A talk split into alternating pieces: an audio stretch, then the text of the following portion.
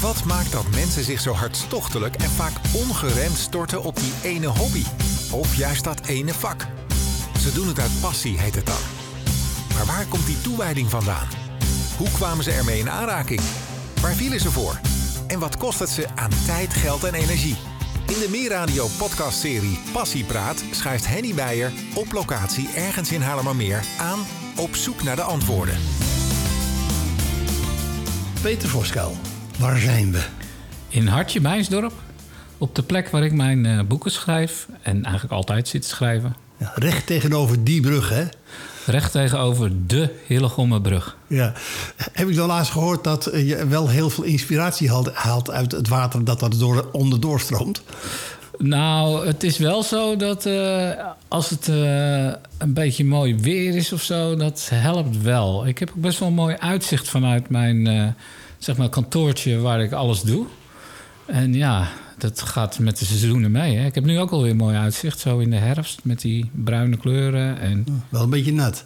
Ja, daar kan ik weinig aan veranderen. Ja, en je, je woont onderaan de dijk, dus geen natte voet.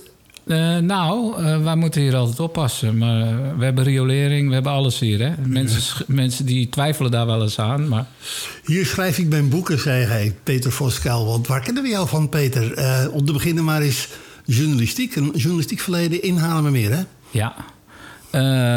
ik ben ooit begonnen met schrijven voor het Witte Weekblad. Overigens begonnen met schoolkrant op het welbekende Herbert Vissers College. En later het Witte Weekblad. En via het Witte Weekblad naar Haarlems Dagblad.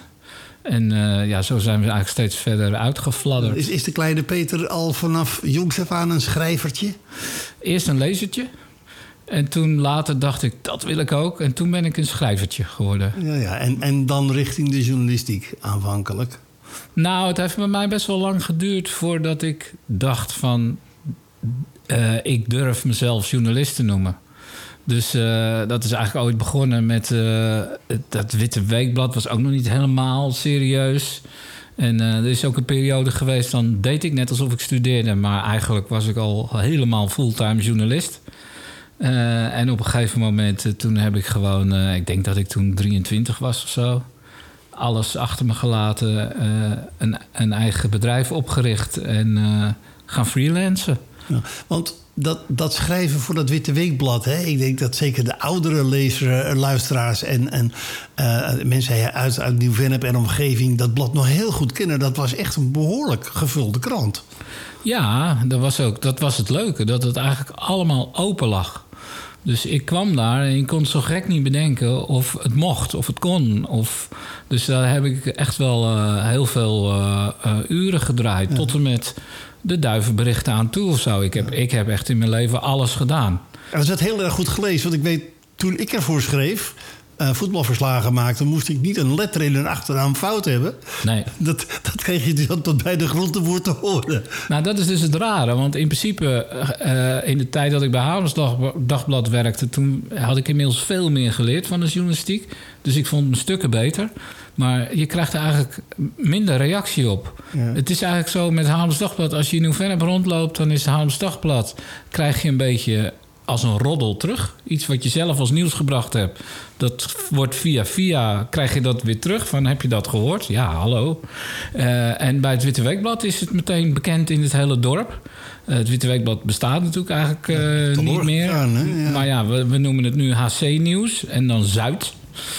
Uh, maar goed, die functie is nog hetzelfde natuurlijk. Ja. Je, kon hem, je kon hem toen niet missen. Iedere week werd hij ook keurig bezorgd. Ja. Uh, ja. En, en, en de krant was ook letterlijk een wit weekblad. Ik maak me, ja, dat was fantastisch natuurlijk. Ik maak me daar ook wel een beetje zorgen over. Want ik volg natuurlijk een beetje de lokale journalistiek gewoon altijd al. En dat verdwijnt allemaal, lijkt het wel. Hè? Want het is echt wel een soort. De, ik heb ook heel vaak gehad dat mensen een beetje smalend deden. Van joh, het suffertje. En, uh, Ondertussen. Maar als er iets mis is, dan staan diezelfde mensen gewoon gelijk op je stoep. En uh, dan zijn ze heel verongelijkt als jij dan uh, niet schrijft over wat volgens hun dan wel in één keer heel erg belangrijk is. En dat is gewoon een soort cement van de samenleving. Ja. verenigingen, het verenigingsleven kan ook eigenlijk niet zonder zo'n krantje. Want ik heb dus heel vaak gezien wat dat doet.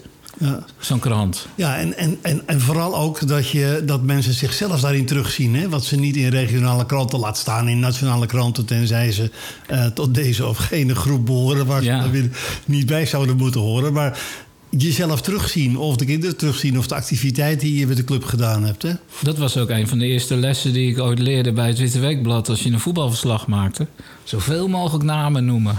En eh, nou ja, dat deed ik dan ook. En het is ook leuk als jij eh, je neefje of eh, je kleinkind natuurlijk ziet, terug, terug kunt lezen in de krant. Ja, en dat wordt dan weer bewaard natuurlijk, hè? in de plakboeken.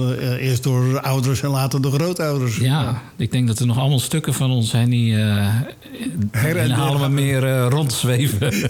ja, Eh, dat Witte Weekblad liet je achter je. Wat ben je daarna gaan doen? Eh, nou, ik ging, werd vrij snel naar, door Haarlems Dagblad eh, gevraagd. In die tijd was het zo dat ze je dan vroegen... omdat ze dan ook wisten van... nou, maken we het Witte Weekblad weer wat minder sterk. Eh, en nou, bij Haarlems Dagblad, daar had ik echt het gevoel... toen ik daar de redactievloer opliep... hier hoor ik thuis. Dat was echt... de krant, dat een ja. echte redactie. Met, ik had ook het geluk nog dat ik heb natuurlijk geen journalistieke opleiding eh, gehad. Dus ik heb dat allemaal in de praktijk moeten leren. En ik had het geluk dat er toen nog heel veel mensen daar rondliepen. Een beetje senior verslaggevers. eh, die, die zich min of meer over je ontfermden. En dan zeiden van nou ik ga wel een keertje met je mee. Of goh ik heb gisteren dit van je gelezen. Maar is dat wel zo? Want eh, en, eh, dus ik, Die ene vraag nog gesteld of ja, en da- ik, heb daar, ik mag wel zeggen dat ik daar het schrijven echt wel geleerd heb. Eh, en heb ik eigenlijk tot op de dag van vandaag eh, ook wel. eh, de, echt de beste journalisten zeggen ze worden lokaal en regionaal gemaakt. Hè? ja, ja, wie zijn wij om dat te ontkennen? dat, dat, dat is precies wat wij graag horen. En na je tijd bij eh, het Haarlems Dagblad ben je nog de Bollenstreek ingegaan, toch?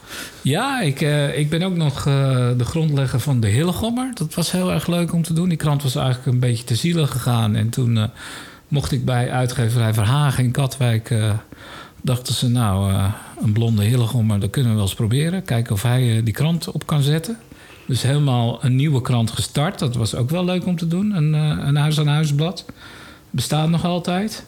En ik heb een tijdje over de sierteelsector geschreven. Ik ben een tijd ook hoofdredacteur van Inforegio geweest. Het zakenmagazine. Ja, de zakenkrant die heeft ook wel drie levens gehad ondertussen. Hè? Want ik ben ook een keer hoofdredacteur geweest. Een jaar of twee, drie. Als je geen hoofdredacteur van Inforegio bent geweest... Stel je dan- niet mee?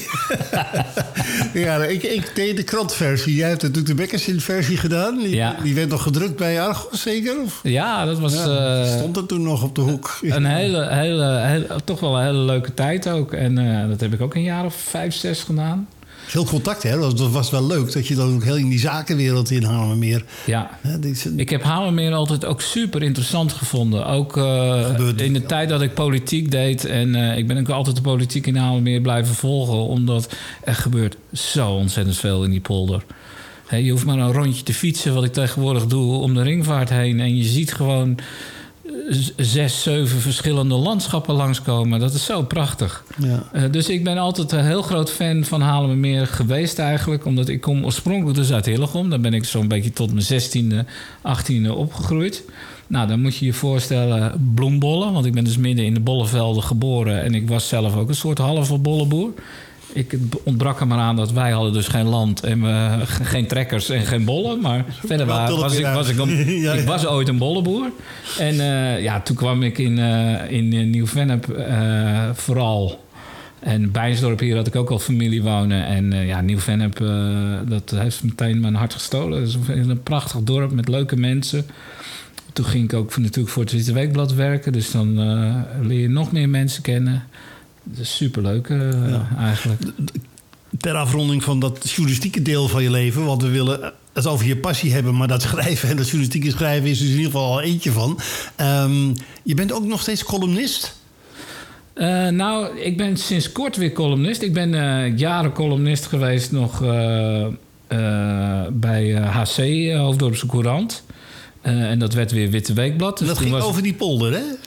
Nou toch? ja, ik schreef eigenlijk... eh, ja, ik had de vrije hand. Ik kon overal over schrijven waar, waar, waar ik maar wilde. Dat was hartstikke leuk. Eh, het enige probleem is dat ik vaak weinig tijd had. Dus... eh, En eigenlijk moet je een column... Dat klinkt heel raar, want het is... Kijk, je gaat zitten en er komt altijd wat. Want je hebt een bepaalde ervaring en er is altijd wel iets. Maar ik heb wel uh, doorgekregen dat je moet toch wel... Als je erover nadenkt, dan worden ze eigenlijk nog beter. En dus dat was een beetje mijn probleem eigenlijk aan het worden. Dat, uh, ja, op een gegeven moment was ik uitgever van boeken. En ik schreef zelf ook nog in mijn vrije tijd... was ik een boek aan het maken. En toen op een gegeven moment toen heb ik toch moeten bellen van jongens, uh, aan het eind van dit jaar stop ik ermee. Toen ben ik gestopt. Ja, en nu is uh, ook iemand uit de mediawereld, Marco Griekspoor, die ken ik natuurlijk ook al jaren, want die is ooit dus verkoper bij het Witte Weekblad geweest. Die heeft mij nu weer gevraagd van, goh, uh, zou je voor Inforegio een column willen schrijven? En dat is één keer in het kwartaal, dus ik dacht, nou, laat ik eens gek doen. dat valt nog dat, wel te dat doen. is nog wel te doen. Dus dat is wat ik nu doe. Je luistert naar Passiepraat. Meld je aan via passiepraat.meerradio.nl We zijn in Bijnsdorp, uh, in het epicentrum van... Uh, ja, daar waar Peter Voskuil zijn letters aan elkaar plakt tot verhalen. En we hadden het net al even over zijn journalistieke carrière... die inderdaad weliswaar hier in de regio... maar alle kanten op is gegaan. Van zeer lokaal via de Sierteelt en de zakelijke kranten... tot bijvoorbeeld de column waar heel veel van de luisteraars hier in Haarlem van zullen kennen. Uh, maar ja, dan gaat het bloed toch kruipen waar het niet gaan kan, Peter. Ja, je wil wel eens uh, iets langers uh, schrijven. Ik heb ook altijd wel fijn gevonden als je ook iets mag uitzoeken, helemaal tot de bodem. Daar ben ik wel perfectionist genoeg voor om dan, weet je, een, een krantenartikel, een tijdschriftartikel, het is altijd toch vluchtig. Vluchtiger dan een boek dus. Ja. En dus was de ambitie een boek. Een boek. En toen werd al vrij snel duidelijk waarover dat boek dan zou moeten gaan. Want uh, ja, ik was altijd al fan van Lennart Nijg, de tekstdichter. Van onder andere Boudewijn de Groot, maar ook Rob de Nijs. Met liedjes als Malle Babbe, Het Land van Maas en Waal. Dus toen ben ik de biografie van Lennart, die, die was toen een paar jaar overleden gaan maken. Die overigens ook ooit uh, voor Haams Dagblad werkte toen ik er werkte. Dus die heb ik toen wel eens een paar keer uh, de hand mogen schudden en met heel veel bewondering naar gekeken. Een zonderlinge figuur, hè? Ja. Eigenlijk. Ja. Uh, prachtig ook. Ja, ik ben er wel eens tegengekomen in de kroeg in de tijd omdat ik ook werkte in Haarlem. Maar en verstond je hem? Hele bijzondere. Nee, nou, vaak, vaak draaide hij zich af als, als hij sprak. Hij keek ja. eigenlijk zelden of nooit goed aan. Nou ja, had het, uh, mensen omschrijven het dat het uh, dan leek alsof ze gebit verkeerd om in zijn mond geplakt zat. Hij draaide kwam ook door drank af. waarschijnlijk. Want ja. de, de, man had een aantal stam, stamkroegen. Ik, ik, heb er één. En dat is dan al een dagtaak. of een hele taak om die. Maar hij, hij had er een dagtaak aan. Hij had wel 15 of 16 stamkroegen, ben ik achtergekomen. Maar was hij ook mensenschuw? Want nou, hij vond het niet fijn. Hij maakte om... niet makkelijk contact, toch? Nee. Ja, hij, als er de drank in kwam, dan ging het wat soepeler. Maar... Nou ja, ik denk toch dat hij niet graag over zijn werk sprak. En dat natuurlijk ja. allerlei mensen hem toch ook wel op een bepaalde manier benaderden. waar hij helemaal geen behoefte aan had. Hij was natuurlijk ook wars van, van uiterlijk vertoon. Ja. En over hem wilde je een boek schrijven. Ja, nou, een machtig interessante figuur natuurlijk. Haarlem, wat ik ook een hele leuke stad vind. Dus, uh, ja, het boek is Het is Testament gaan heten, hè? Dat lijkt me een vrij logische titel. Ja, dat is natuurlijk vuistdik, bijna, ja. zwaar. Echt een cadeauboek. Een collectors item inmiddels. Ja, want? Uh, nou ja, uitverkocht na de eerste druk. En uh, de uitgever wilde geen tweede druk maken. Dus, uh, oh, dus ik heb, een, ik heb een exemplaar thuis liggen dat... Ik heb ze al... Ik heb er zelf, had ik nog, ooit nog een doosje over. Die heb ik geloof ik allemaal voor 80 euro verkocht of zo. Okay. ik weet nog dat hij bij de Bruna in Nieuw-Vennep... lag hij heel prominent altijd. Ja. Het is, al vrij lang nog na de, na de publicatie. Nou, ik moet daar ook wel een tipje van de sluier oplichten. Dat ik toen natuurlijk een heel... een vriendengroep in Nieuw-Vennep had en heb. En die uh, maakten er ook een sport van om hem, als ze dan langskwamen, om hem op één te zetten. Dus ik heb heel vaak op één in Nieuw-Vennep in, uh, in de boeken uh, top 10 gestaan. Nou, cool, het is dat je erbij zit, maar ik, ik vind het een heel prettig boek. En ik blader het nog met regelmaat door. Ook al omdat er ook heel originele foto's in staan en de originele liedteksten soms. En ja, ja zet het toch iedere keer wel weer aan tot, tot denken even. Tot, goh, wat zou je bedoeld hebben? Nou, dat is dus ook mijn, uh, uh, een van mijn guilty pleasures erbij. Dat ik dus ook gek ben op archieven. Dus ik duik graag archieven in. Ik ben ook heel goed in om snel met archivarissen vriendjes te worden, zodat je ook gewoon eh, makkelijk erbij kan. En dan vind je wel eens dingen. Ja, dat vind ik dus het leukste. Het is, eh, een archief is eigenlijk net alsof je bij iemand op zolder even mag kijken van... goh, wat heb je allemaal nog staan van vroeger? Ben je ook een kringloopwinkel bezoeker dan? Uiteraard. Dan kan, kan je mij... Ja, En dan vooral oude boeken? Eh, ook, ja. Ja, ja, ja. Ik heb je nog niet rondgeleid, maar ik heb hier meer... Ik heb hier minder muren. Ik heb geen behang. Ik heb eigenlijk heel veel muren met boeken er tegenaan. Ik heb eigenlijk geen muren, maar boekenkasten. Boeken wel. En vanuit die boeken en vanuit die, die bijzondere interesse... nou zijn we toch weer bijna bij een passie. Een van de passies voor in dit geval eh, archiefwerk en, en doorzoeken dossiers... ben je uiteindelijk naar je andere boeken terechtgekomen... en wilde je ze zelf gaan uitgeven? Eh, daarna heb ik er eentje gedaan, die heb ik zelf uitgegeven. Dat ging over de geschiedenis van de oudejaarsconferentie. Omdat ik dus dacht van ja, je moet dat ook allemaal zelf kunnen. En ik, ik vond de boekenwereld ook wel interessant. En dat is bij elkaar brengen, even de titel van dat boek. Het gaat over conferences, maar bij elkaar brengen van informatie die je opduikt uit archieven. Dat is letterlijk dat Nou, ik ben ook van het interviewen natuurlijk. de combinatie van die twee. Ja, want voor dat uh, Lennart boek heb ik denk ik ook wel, nou, misschien wel 70 mensen geïnterviewd. Dan ben ik wel van En- het soort die het echt leuk vindt om iedereen. eh, mijn methode is vaak eh, richting monnikenwerk. Dat is dat je eh, al die interviews over elkaar heen legt. En die overlappen elkaar. En dan kan je vaak wel ook wel zien wat nou de gemene deler is, wat er nou echt gebeurd is. soms. Moet je wel analytisch kunnen kijken, gestructureerd kunnen lezen. Ja, nou ja, dat, eh, en, en, en iedereen hetzelfde vraagt soms, om- als je ergens over twijfelt. En dan kom je er langzaam wel achter hoe het allemaal zit. Maar ik vind het ook gewoon wel leuk om een soort ja, uitgebalanceerd beeld van iemand eh, te geven.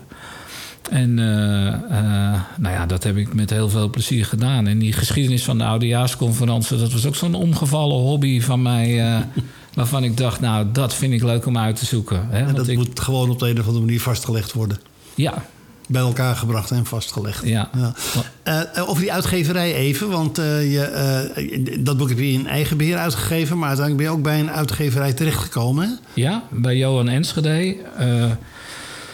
Die uitgeverij die had een nieuwe, ja, eigenlijk een soort doorstart nodig. Die moest echt een nieuwe frisse wind. en dat heb ik gedaan. Een jaar of zeven, acht En dat was een uitgeverij van boeken. grote boeken? Ja, alledaagse non-fictie cadeauboeken. boeken. Dus eh, eh, boeken met veel foto's. Coffee table boeken, zoals ze noemen. Vaak ook eh, ja, over onderwerpen met een beetje sport, muziek, literatuur. Een beetje die kant op. Dan en komt- dan, dan- met heel veel fotografie. En eh, Ja, en dan kom je bij titels als een boek over Kruif. eh, maar ook het boek wat je zelf geschreven hebt, The Dutch Mountains. Hè? Ja. gaat over eh, muziekgeschiedenis. geschiedenis van de Nederlandse platenindustrie is dat. En ehm, eh, nou ja, dat soort boeken. Marten eh, ik heb ook een heel mooi boek mogen maken. Met anderen natuurlijk ook over Jacques Brel. Dan heb ik bijvoorbeeld de fotoredactie gedaan. En samen met Henk van Gelder even teksten geschreven. Ik de fotoredactie. En nog een hele cd met eh, verloren gewaande... eh, Zat, je, zat je helemaal in je element dan daar? ja. Dat dingen was aan. een groot feest. Ja. En eh, dat was geweldig, ja. En eh, dat heb ik altijd met heel veel plezier gedaan. Was wel heel vermoeiend natuurlijk. Want ja, als je zo'n hele toko eh, weer helemaal opnieuw in de omzet naar boven moet brengen... en de boekenmarkt is een hele ingewikkelde markt... daar ging eh, ook wel tijd in zitten. Ja. Het waren wel overdag in cadeauboeken, hè? want je noemde dat koffietableboeken, maar Ja. mooie, wat duurdere cadeauboeken. Veel van. 50 euro en duurder vaak. En dan eh, boeken die je nog niet eens aan je buurman geeft... maar wel aan je... Waarom niet aan je buurman? Nou, dan is 50 euro al veel, hè? Oh, die manier, ja, ja. Of je moet echt een hele leuke buurman hebben. Luxe cadeaus zijn. Ja, maar het is vaak ook, eh, ja, weet je, eh, die geef je aan je man of aan je vader. Of, eh, dat merkten Echt wij. echt. bijzondere cadeaus. En dat was dus ook in december, was, eh, dat was de maand voor ons. Wij waren een soort vuurwerkwinkel. Ja, cadeau, de cadeau. De cadeaumaand. En dan kwam dan ook echt gewoon een omzet uit waar je echt gewoon eh, ja, weer een paar maanden eh, mee verder kon. Nou, ik zag, je liet net zien, hè, even wat van, van de producties waar je bij betrokken was. boek over Johan Cruijff, dat is een, eh, een, een, loodzwaar luxe geschenk, zo te zien. Ja. En, Dat is eh, in een doos en in een cover. En, en alles erop en eraan. En dat zijn dus ook wel echt grote risico's die ja, we namen. precies. Maar ja, dat We weten ook Kruif, met de familie Kruif... die er exclusief aan meewerkte. Dus ja, dan weet je ook wel dat je dat geld wel weer terug gaat Nou, even verdienen. los, wat is het- maar wat is de oplage dan van zo'n boek, zodat het wel ook weer exclusief blijft?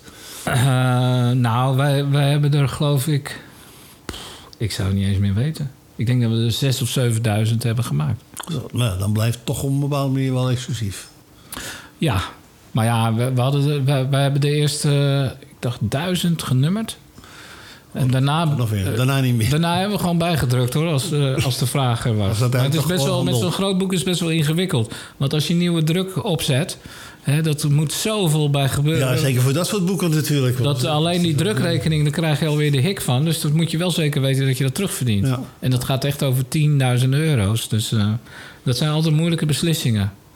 In die zin vind ik het ook wel fijn dat ik geen uitgever meer ben. Want Nee, want je bent eh, uiteindelijk daar weg en je bent nu eigenlijk iets anders aan het doen met letters, hè? ja, iets totaal anders. Eh, ik zit nu bij een bouwbedrijf, bij Dura Vermeer. En dan maak je geen boeken. Nee, daar schrijf ik plannen. En, eh, Saai. nou, dat, dat dacht ik dus ook in het begin. Maar dat blijkt helemaal niet zo saai te zijn. Want het is eigenlijk ook best wel weer een leuke wereld.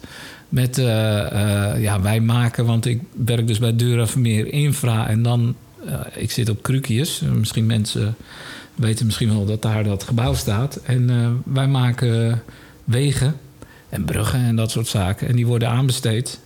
En vroeger won je alleen een aanbesteding als je de laagste prijs had. Maar tegenwoordig moet je daar ook gewoon echt een mooi goed plan, Letterlijk een goed verhaal hebben. een goed verhaal bij indienen van hoe ga je dat werk maken. Inclusief duurzaamheid, inclusief veiligheid, eh, arbo, toekomstbestendigheid en al dat soort elementen. Ja, en eh, eh, hoe zorg je dat de buurt er geen last van heeft, of zo min mogelijk last. Daar moet je van tevoren echt wel een plan voor maken. En dat soort plannen, dat zet ik op papier. hebt toch wel weer interviewen, hè? Want het is toch wel weer dingen die de technici aan je moeten vertellen.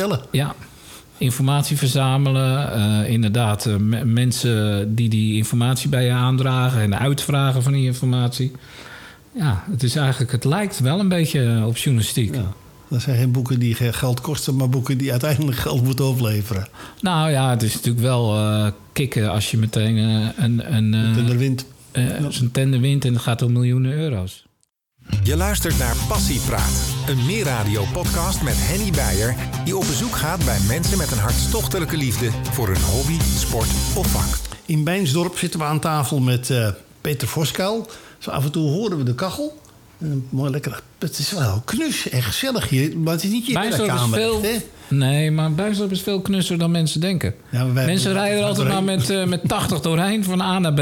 Ja. Ik zou zeggen, stop eens in Bijnsdorp, mensen. Nou, het is wel goed ook dat je hier stopt, want er is nog een stoplicht voor jouw deur. Dus Je moet wel stoppen hier eigenlijk. Dus, het is eh, wel heel handig om te stoppen. Ehm, maar wij, wij, wij praten over jouw eh, schrijfpassie. En we zochten een beetje van welke passie is het nou? Passie voor muziek en passie voor ar- archiefonderzoek en, en research. En, en toen kwam ook een beetje passie voor monnikenwerk. Dat is het wel een beetje. En eh, als klap op de vuurpijl heb je daar het bewijs nog maar weer voor geleverd. Want recent verscheen van jouw hand het boek Boudewijn de Groot. En dan met ondertitel De Groot Oeuvreboek. Boudewijn de Groot Oeuvreboek. En dat is het ook geworden, hè? ja. ja, ik heb altijd het gevoel gehad dat ik mezelf eh, moet onderscheiden gewoon door hard te werken. Ik ben niet een journalist die briljante dingen... of een, of een schrijver die briljante dingen op papier zet... waarvan De Pulitzers liggen niet op jouw Nee, wacht. nee, ik moet het gewoon echt van hard werken hebben. Eh, althans, tot nu toe. Dus, eh, en eh, ja, ik ben ook niet bang voor monnikenwerk... omdat ik het ook vaak leuk vind om dingen te doen. En dat is natuurlijk met Boudewijn. Hè, de, de, sommige van mijn boeken... Het is een soort ongevallen platenkast eh, waar ik mee bezig ben... En ik ken die muziek al vanaf mijn moeder. Die had een plaat in, eh, in de platenkast staan. Dus De allereerste waarschijnlijk dan? Nee, die had een verzamelplaat van Boudewijn. Eh, ik kom uit de jaren 70 en er stonden heel veel liedjes uit de jaren 60 op. En ik ben een beetje daarmee opgegroeid. de, de meisjes van 16 en de verdronken vlinders en zo. Inderdaad, wat natuurlijk Meneer Mr. eh, President en die, hè? prachtige, tijdloze muziek is. En eh, ja, dat gaat bij mij vanzelf om dat helemaal uit te zoeken. Ja, maar dan had je het boek van Lennart gemaakt. Ja. Wist je toen dus ergens al van dat moet ook een keer over Boudewijn? Want die heeft ook heel veel zelf geschreven ook. Nee, want ik had eigenlijk met het verhaal van Lennart... min of meer het verhaal van Boudewijn al opgeschreven. Dus ik heb heel lang gedacht... eh, Wat voegt er toe? Ja, ik Ja. had er geen zin meer. Ik had het verhaal eigenlijk al staan.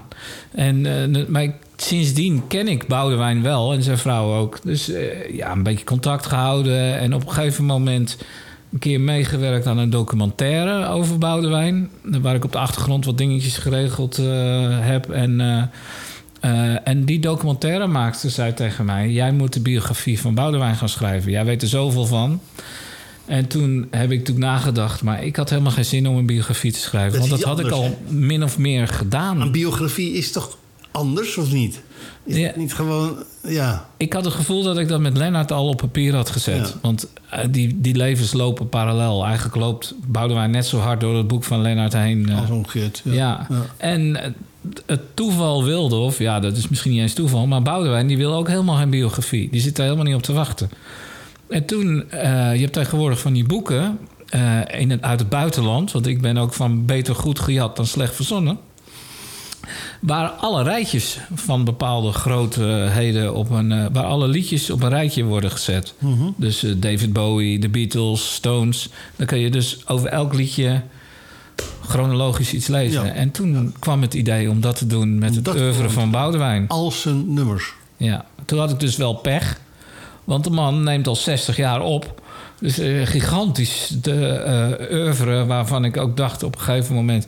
moet ik het wel allemaal doen? Nou, de- natuurlijk moet het allemaal, Ja, want anders is het niet compleet. Anders niet, nee. En ik hou er ook niet van, anders ga ik mijn smaak ook aan de lezer eh, natuurlijk een beetje opdringen door bepaalde liedjes wel en andere niet te doen. Dus nou, alles. En toen later dacht ik, ja, maar ja, hij is ook producer geweest. En eh, een liedje als Malle Babbe heeft hij zelf eigenlijk nooit in de studio opgenomen. Of eh, Jan Klaassen de trompetter. Maar het, het hoort zo bij het oeuvre van ja. Boudewijn. Ja. Je kan eigenlijk niet zo'n dik boek over Boudewijn maken... en dan Jan Klaassen de trompetter er niet in zetten.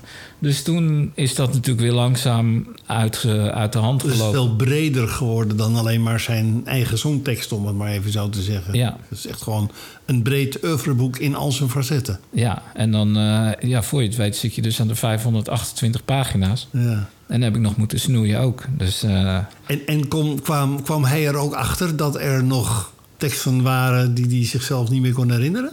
ja, dat is wel leuk. Er zijn eigenlijk twee dingen die mij opvielen. Want aan het begin zat hij van, ja, eh, ik weet niet of ik alles wil herinneren. Ik heb veel gebloot, en, eh, maar zijn geheugen is perfect in orde. Eh, maar ja, de, niet, eh, als je zo lang opneemt, kan je niet alles herinneren. Nee. Dus ja, voor mij was het ook leuk natuurlijk om af en toe eh, even dingen aan te dragen van... dit heb je ook nog gemaakt. En dan moest ik hem echt... ja, Je moest hem laten horen of laten lezen. Nee, de hoes laten zien dat zijn naam eronder stond. Want hij herinnerde niet meer dat het liedje van hem was. Ja. Dus dat is best wel leuk om mee te maken. En daar heb ik stiekem heel veel lol in natuurlijk. Ik kan me voorstellen. En als dan dat oeuvre langskomt ook bij hem... merk je er ook aan dat hij op sommige dingen heel trots is... en dat hij voor andere dingen denkt... nou, Ja, totaal. dat, wat artie, dat hebben artiesten ook veel, hè? componisten. nou, ik heb ook wel eens artiesten meegemaakt... die vinden alles geweldig wat ze hebben gemaakt. Ja, Maar Boudewijn heeft een heel kritisch vermogen. Dus die kan echt sommige muziek gewoon... Dat, dat je gewoon fysiek ziet dat de rillingen hem over het lijf lopen... dat hij het weer aan moet horen. en bij anderen, daar is hij tere- terecht, vind ik dan. Maar daar, is hij, daar kan hij daar ook wel weer heel trots op zijn. ja. En dat maakt het juist leuk natuurlijk. Wij hadden eigenlijk de afspraak dat we zouden al die liedjes draaien. Dus Hoe dan wij- ook. Het was eigenlijk mijn, dit boek was plaatjes draaien met Boudewijn. Ja. Soms in zijn tuinhuisje, soms in zijn muziekkamer, soms hier. Eh, en dan, ja, we draaiden wel alles. We hebben alles gedraaid. En het leuke van die methode is, die heb ik dus al eerder in een ander boek, Dutch Mountains, over de platenindustrie toegepast. Is als mensen de muziek terug horen, ondanks dat, ja, weet je, Boudewijn heeft Testament al duizend keer zelf gespeeld. Laat staan. eh, dat ze dan toch andere dingen gaan vertellen dan wanneer je zegt: zullen we het eens over testament hebben en je laat de muziek niet horen. Ja, ja, dat maakt toch weer iets los. Dat maakt iets los en je, je merkt dus dat ze dan ook heel vaak, wat ik dus interessant vind, gaan vertellen over hoe dat nummer in elkaar zit. Want dat is natuurlijk vaak ook met, met vier of met acht sporen opgenomen. Wie speelt de gitaar? We weten er helemaal niks van, want die platenmaatschappijen die hebben alles weggegooid wat er maar aan archief is. Dus eh, dat is heel leuk om dan weer te horen. En dan blijkt die ook nog hele leuke details van die sessies eh, te herinneren. Ja. Was hij er zelf blij mee? Ja, Achteraf, zeg maar. Nou, eh, eigenlijk halverwege al. Want in het begin was het natuurlijk eventjes aftasten van wat gaat hij doen. En na een tijdje was dat natuurlijk wel duidelijk welke kant we op gingen. En op een gegeven moment kwamen er ook de eerste drukproeven. En toen ja, werd het enthousiasme alleen maar groter. Want het Dus, is zijn leven in print, hè? eh, sorry? Het is zijn leven in print. Ja, nou ja, dat is natuurlijk ook fantastisch. Stel je nou voor dat er iemand naar ons toe komt en die zegt: Ik heb van de af- afgelopen 60 jaar, eh, of in mijn geval 50 jaar, eh, allemaal foto's van je gevonden waarvan je niet meer wist dat ze bestonden. Dus dat is wat er gebeurde natuurlijk. En Heeft hij nog losgelaten waar hij heel erg trots op was? Nou, wat mij dus opviel is. eh, eh, kijk, eh, in de jaren 60 heeft hij natuurlijk die nummers gemaakt, dat zijn klassiekers. Maar bijvoorbeeld Testament, daar zei hij nu een keer gewoon ronduit van... ik word hier waarschijnlijk, als ik dood ben, om herinnerd. Hè, want elke artiest wordt tegenwoordig... Heeft dat wel? Met ja. die formats schijnen wij elke artiest tot drie nummers plat te moeten slaan. en dan moet je nog echt een enorme carrière hebben gehad, anders word je tot één nummer plat geslagen. Ja. En ja, Testament is natuurlijk zo'n nummer van Boudewijn. En hij zei nu, zei hij van nou, ik vind het niet erg dat ik hierom herinnerd ga worden. Want we waren eigenlijk allemaal in topvorm op dat moment. En dan heeft hij het over de arrangeur, over de producer, over zichzelf, over Lennart als tekstschrijver. Dus dat vond ik wel leuk, dat je dan ook wel trots ziet. En ja, ik ben natuurlijk niet meer objectief, maar terecht zou En ik denk, ik denk dat zijn fans avonden eh, aan hem zullen hangen als beste. De avond. ja, de avond. Avond, zoals het tegenwoordig heet. Ja. Ja, nou ja, dat, Los van de kwalificatie dat hij altijd in die top 2000 zo heel hoog eh, scoort. Maar Terwijl ik denk dat hij heeft betere nummers gemaakt. Maar dat nummer heeft iets waardoor. ja, ik kan het nog dagelijks horen als ik wil hoor. Ik- Ja. Ik ben ook wel een, een, Boudewijn-fan, dus ik ben nu ook iets partijdig. Maar dat nummer steekt er voor mij zo bovenuit. Op de Nou ja, dat is ook gebleken natuurlijk. Want ja, ja je kan eigenlijk een soort. Het is een beetje de, de stemwijzer van nu, hè? De top 2000. Ja, Ik vind hem in lijn liggen met, eh, met, met eh, eh, ja, eh, Frans, Halsema had ook zo'n nummer eh, voor haar. hè. Ja. Dat is ook, ook zo'n, ja, die, die, die stijgen als bovenuit, zeg maar, qua tekst. Die roepen Het is ook veel- echt een stelletjesnummer, Ja. vind ik. Nou ja, Eh, want ik heb dat ook gezien bij. eh, als die dan optrad in het theater. Dan zag je ook gewoon stelletjes elkaar aanstoten van nou, hier is ons ik, het nummer. Maakt iets los, ja. Ja. Hey, ehm, nou, hij is er vast eh, blij mee. Jij bent er waarschijnlijk ook blij mee. Is het nou klaar met dat archiefwerk? Nee, ongetwijfeld niet. Het, eh, dat ga, ga- er gaat wel weer wat komen. Wie is het volgende slachtoffer? Eh, dat weet ik eigenlijk niet. Het, het grappige is, ik heb eigenlijk voor het eerst nu dat ik misschien wel vijf, zes projecten heb. Waar ik, die ik overweeg. En waar ik eigenlijk ook al een beetje een tijdje aan zit te werken. Gewoon puur uit hobby. Eh, en daar gaat het eentje van worden. Maar ik kan niet zeggen wat nou de volgende wordt. Nou, maar, Ik denk wel iets met muziek. Eh, ik denk ook dat er een tijd gaat komen dat ik ga stoppen over muziek eh, schrijven. Want stiekem is mijn ambitie. Ik wil ook nog wel eens een keer een kinderboek schrijven. Ik wil een keer een roman schrijven. Het lijkt me allemaal leuk. Eh, maar ja, je moet er allemaal maar tijd voor hebben. En tegelijkertijd vind ik dit soort boeken op dit moment ook wel heel leuk om te maken. Gewoon echt uitzoeken. Wat zit er nou achter zo'n nummer? Dus ik denk eigenlijk dat mijn volgende boek wel iets met muziek te maken gaat hebben. Maar ik durf nog niet precies te zeggen wat. Nou ja, laten we dan afspreken dat we daar dan eh eh, Passiepraat 2 met, eh met Ja. Pascal over aan gaan wijden. Ja, Ehm, het is bijna Sinterklaas en kerst. Dus ik zie zomaar het, het boek over het grote Boudewijn de Groot oeuvreboek in allerlei winkels liggen. En als cadeau, ook Ja. voor de buurman zou ik zeggen. ja die buurman laat hij het ook maar kopen. Maar gewoon kopen. Peter Voskuil, dankjewel. Heel graag gedaan. Was Passiepraat. Op naar nieuwe ontmoetingen, vol bevlogen en inspirerende verhalen van mensen met een niet te temmen passie voor een hobby, sport of vak. Meld je aan via passiepraat.meerradio.nl